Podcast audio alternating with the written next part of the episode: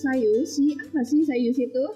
Jadi buat teman-teman yang belum tahu Isayushi itu apa, Isayushi adalah singkatan dari Indonesia International Studies Academic Utilization Community, di mana kita adalah komunitas independen yang berfokus kepada kajian hubungan internasional, khususnya dalam bidang riset. Nah, di podcast Isayushi ini kita akan membahas mengenai berbagai macam isu-isu hubungan internasional kontemporer, di mana untuk sesi kali ini akan dibawakan oleh saya, Luka Karima, dan teman saya, Mawar Warah Marila. kita akan membahas mengenai Hmm, kayaknya seru deh kalau kita bahas tentang Tiongkok, tentang polusi plastik yang mana itu adalah sampah dan perubahan iklim gimana? wah Tiongkok. Kenapa kita harus bahas tentang Tiongkok? Karena seperti yang kita tahu bahwa Tiongkok merupakan negara salah satu negara industri terbesar di dunia dengan populasi yang sangat besar yang dia mencapai populasi nomor satu di dunia yakni 1 triliun 435 692 718 banyak banget deh. Kemudian untuk masalah sampah plastiknya di Tiongkok telah memproduksi sampah plastik secara impor dan sampah plastik dari dalam negerinya sendiri sebanyak 8,8 juta ton per tahun. Banyak banget kan? Wah banyak banget, bisa buat rumah nggak sih kayak gitu? Wah nggak gitu juga sih. Eits, tapi lo tuh tahu nggak sih kalau Tiongkok itu pernah menjadi negara dengan importir limbah sampah terbesar di dunia? Wah tahu tuh. Jadi mereka udah mulai impor itu dari tahun 1980-an kan si Tiongkok. Jadi mereka ambil tuh sampah-sampah dari negara-negara Eropa, dari negara Amerika Serikat untuk diolah kembali dan dijadiin bahan baku buat industri mereka. Tapi sayangnya peraturan yang ber- diberlakukan di Tiongkok dulu itu masih belum stabil. Jadi tingkat polusi yang terjadi di Tiongkok saat ini sangat tinggi dikarenakan kebijakan tersebut. Nah, karena Tiongkok itu mengalami polusi lingkungan karena masalah tersebut, jadi pemerintah Tiongkok ini sendiri pada 2018 mengaplikasikan kebijakan untuk menstop impor limbah. Jadi, beberapa limbah itu tidak diperbolehkan masuk lagi ke Cina dan beberapa negara seperti Amerika Serikat, kemudian negara-negara di Uni Eropa dia udah nggak bisa kembali untuk ekspor limbahnya ke Tiongkok. Dan hal itu berimplikasi kepada negara-negara lain yang mana notabene itu merupakan negara dunia ketiga di Asia Tenggara. Loh, kenapa di stop? Padahal kalau Tiongkok tetap melakukan impor sampah plastik tuh kan untungnya banyak banget tuh. Mereka dapat bahan baku murah, terus bisa dijual lagi dengan harga yang mahal. Nah iya, tapi lu tahu nggak sih kalau nggak semuanya impor dari limbah itu mendapatkan lisensi yang legal dari pemerintah itu sendiri. Jadi pemerintah Tiongkok itu nggak bisa memberi pengawasan secara penuh kepada regulasi impor sampah itu sendiri. Jadi banyak banget nih aktor-aktor yang melakukan kecurangan yang mana itu berimplikasi kepada sistem-sistem di atasnya. Dan karena kecurangan itu pemerintah Tiongkok itu sendiri juga mendapatkan sebuah kerugian. Kecurangan, kecurangan dengan macam apa kok sampai efeknya besar banget sampai ke pemerintahan? Nah, jadi karena pemerintah dari Tiongkok itu sendiri tidak bisa memberikan pengawasan secara penuh untuk regulasi tersebut, jadi banyak banget nih masyarakat di pinggiran provinsi Guangdong sebanyak 120 ribu orang yang terlibat dalam industri tersebut, yang mana orang-orang itu tidak secara penuh melakukan standarisasi untuk mengolah limbah dan memberikan pengawasan terhadap limbah itu sendiri. Jadi orang-orang itu tidak sepenuhnya melakukan pengolahan limbah yang mana itu bakal berpotensi kepada polusi, kemudian merusaknya ekologi, kemudian sungai-sungai yang tercemar dan yang lain-lain. Dan pemerintah itu sendiri mendapatkan kerugian yang besar sebanyak 25 juta dolar US dollar. Oh ya, ada kan itu film dokumenternya mengenai pengolahan limbah plastik di Tiongkok. Kalau nggak salah judulnya Beijing Passage by Waste. Jadi film itu kalau nggak salah menggambarkan mengenai kisah tentang sampah yang ada di Tiongkok. Di mana mereka itu mengungkapkan mengenai kemiskinan yang terjadi kayak di Guangdong kayak gitu dan biaya manusia yang dibutuhin buat pengolahan limbah kan. Iya benar banget. Jadi pemerintah Tiongkok tuh bisa merefleksi dari film dokumenter itu tersebut. Tapi di sisi lain pemerintah Tiongkok itu melakukan kebijakan menstop impor limbah juga karena pemerintah Tiongkok tuh mau negara-negara besar, negara-negara barat itu bisa modernisasi sistem pengolahan limbahnya karena kan mereka cuma mau nih aku kasih limbah sampah tetapi mereka nggak mau nih memperbaiki kualitas pengolahan limbah mereka. Jadi seperti itu. Alih-alih keinginan Tiongkok untuk membuat negara-negara barat itu sadar untuk memodernisasi dan memperbarui sistem pengolahan limbah mereka si negara-negara barat ini malah memberikan limbahnya kepada negara-negara di Asia Tenggara seperti yang aku jelasin seperti tadi, yakni Malaysia, Indonesia, Thailand, dan Vietnam. Jadi mereka yang menanggung besarnya volume yang digelontorkan seharusnya kepada Tiongkok, sekarang diberikan kepada negara-negara dunia ketiga tersebut. Tapi Ril, tadi kan kamu jelasin mengenai mereka itu baru implementasinya tahun 2018 ya. Tapi itu aku pernah baca pada tahun 2017 sebenarnya Cina itu udah kayak bertekad banget buat yang ngeluarin kebijakan biar mereka nggak impor sampah lagi. Tapi entah kenapa baru bisa diimplementasikan itu pada tanggal 1 Januari 2018 kalau nggak salah ya.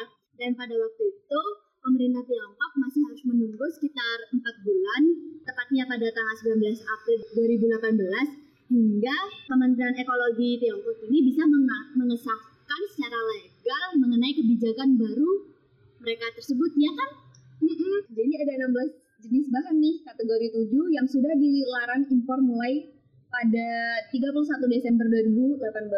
Tapi 16 bahan lainnya itu baru akan dilarang pada 31 Desember 2019. Jadi pemerintah Tiongkok itu sendiri tidak sepenuhnya langsung mengimplementasikan penyetopan impor limbah tersebut. Oh, jadi sekarang Tiongkok udah mulai komitmen ya terhadap Paris Agreement mereka Iya bener banget. Jadi pemerintah Tiongkok itu udah mulai nih gencar-gencarnya untuk mewujudkan ratifikasi mereka terhadap Paris Agreement. Eh bener-bener bentar. Buat teman-teman yang nggak tahu nih, bisa jelasin nggak kayak Paris Agreement itu apa? Kayak apa sih? Oh, jadi gini nih. Paris Agreement merupakan perjanjian internasional dalam konvensi UNFCCC atau United Nations Framework Convention on Climate Change. Yang mana di situ merupakan upaya dalam membatasi perubahan temperatur setidaknya 1,5 derajat Celcius. Nah, jadi sebagai revitalisasi ratifikasi dari Paris Agreement itu sendiri, pemerintah Tiongkok tuh melakukan kebijakan itu sebagai eh, refleksi gitu loh. Jadi dia tuh mau sebagai state branding negaranya yang mana meskipun dia sebagai negara industri besar di dunia, tetapi dia tuh juga bisa menjaga lingkungan dengan cara hal tersebut. Tapi gimana sih menurut Ruke mengenai dampak dari kebijakan pemberhentian impor limbah itu sendiri? Jadi sebenarnya tuh dampak dari pemberhentian kebijakan Tiongkok untuk mereka nggak melakukan impor itu sebenarnya sangat besar ya. Apalagi mengingat bahwa impornya Tiongkok itu datangnya bukan hanya dari satu negara aja, tapi dari berbagai negara di Uni Eropa dan khususnya itu di Amerika Serikat. Dan seperti yang udah diulas oleh Rila tadi, kalau sebenarnya malah negara-negara ini tuh tidak menjadikan pengeluaran kebijakan Tiongkok yang baru yang tahun 2018 ini untuk pelajaran buat mereka kayak mereka itu malah nggak melakukan manajemen yang baik dan malah melimpahkannya itu itu ke negara-negara Asia Tenggara lainnya ke Indonesia dan mereka itu nggak sadar sampai sekarang kalau sebenarnya manajemen masalah limbah itu adalah masalah global. Jadi bukan masalah Cina doang, masalah Indonesia doang. Jadi sebenarnya itu masalah kita semua seperti itu. Jadi kan setiap tahun tuh volume sampah plastik itu sebenarnya di seluruh dunia aja itu udah mencapai 200 juta ton. Bayangin 200 juta ton belum lagi masalah seberapa lama plastik-plastik itu bisa diurai. Dan kita pun tahu kan kayak beratus-ratus tahun kayak gitu sampah-sampah iya, itu. jadi nggak bakalan bisa buat satu negara aja yang nyelesain hal ini. Kita itu hmm. harus ada kooperatif bersama di antara negara-negara di dunia. Yang pastinya mereka itu menghasilkan plastik seperti itu kan. Ya bener banget nih Luke tapi jangan takut Udah ada respon dari internasional terkait hal ini, yang mana Perserikatan Bangsa-Bangsa atau PBB berinisiatif mengajak seluruh negara di dunia untuk mengamandemen Konvensi Basel dengan memasukkan sampah plastik yang tidak bisa didaur ulang ke dalam konvensi tersebut. Nah, tapi sayangnya Konvensi Basel ini belum bisa nih berlaku pada 2019 ini. Dia bisa berlaku pada 2020. Tapi teman-teman tahu nggak sih apa sih Konvensi Basel itu sendiri? Jadi aku bantu jawab ya di sini itu Konvensi Basel adalah perjanjian yang mengontrol pergerakan sampah dan limbah berbahaya beracun dari suatu negara ke negara lain, terutama dari negara maju ke negara berkembang. Jadi sama kan kasusnya kayak di Tiongkok, dan negara Amerika Serikat serta negara-negara Uni Eropa. Dan konvensi ini tuh sebenarnya telah ada dan telah ditandatangani sejak tahun 1989 yang lalu. Oh gitu. Tapi gimana sih masalah amandemen yang terbaru ini? Oh, jadi masalah amandemen baru ini itu karena efek dari kebijakan baru Tiongkok yang mengenai masalah impor itu, di mana kebijakan Tiongkok itu akhirnya diikuti oleh berbagai negara di Asia Tenggara seperti Vietnam dan Malaysia, di mana mereka juga nggak mau tuh jadi negara impor plastik dari negara-negara Uni Eropa dan Amerika Serikat. Nah, hadirnya aturan baru berupa amandemen konvensi Basel itu diharapkan bisa melindungi semua negara dari ekspor sampah plastik yang berlebihan.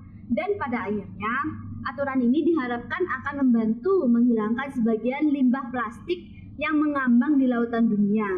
Yang pada saat ini itu diperkirakan ada sekitar 100 juta ton sampah plastik di seluruh lautan di dunia. Banyak banget gak sih kayak gitu?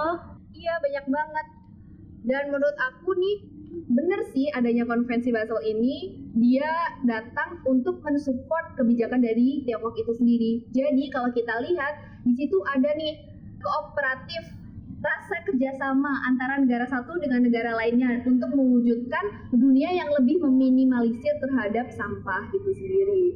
Dan menurutku sendiri nih kebijakan Tiongkok ini sebenarnya bagus banget.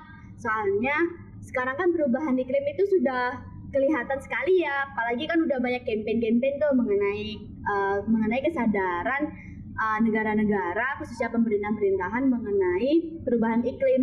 Jadi dengan dikurangnya impor-impor itu bahkan dilarang itu bakalan menutup industri-industri di mana asap-asap mereka itu bakalan kayak emisi gasnya itu bikin naik dan pada akhirnya bumi kita itu bakalan jadi lebih panas karena emisi gas tersebut. Nah, apalagi kita bisa ngerasa ini sekarang Malang aja notabene sebagai kota yang berada di kaki pegunungan, dia seharusnya dingin, tetapi yang kita rasakan tuh lagi panas-panasnya. Dan bisa aja dia tuh tubuhnya tuh meningkat.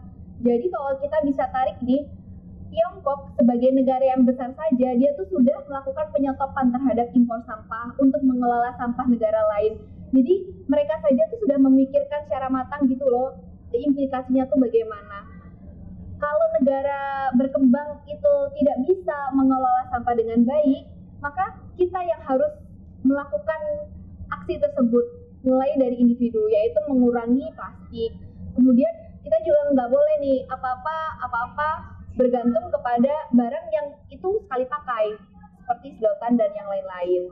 Dan ternyata masalah sampah plastik ini kompleks sekali ya dan bukan masalah mengenai apakah harga plastik itu murah atau enggak, tapi lebih kepada bagaimana kita dapat mendaur ulang plastik-plastik tersebut agar tidak dapat mempengaruhi ekosistem dan bahkan perubahan iklim yang terjadi di negara-negara saat ini. Jadi, untuk teman-teman yang mendengarkan podcast kita kali ini, selain kalian dapat mengetahui mengenai kondisi dari kebijakan luar negeri yang telah diterapkan oleh Tiongkok dan kebijakan dalam negeri mereka mengenai sampah plastik dan daur, sistem daur ulang mereka, kalian juga harus paham bahwa kita harus dapat membatasi penggunaan plastik di masa depan dan saat ini agar kita terus dapat menjaga bumi kita yang kita cintai. Dan kita akhiri segmen kali ini. Nantikan terus podcast kita berikut-berikutnya. Dan sampai jumpa lain kali. Bye!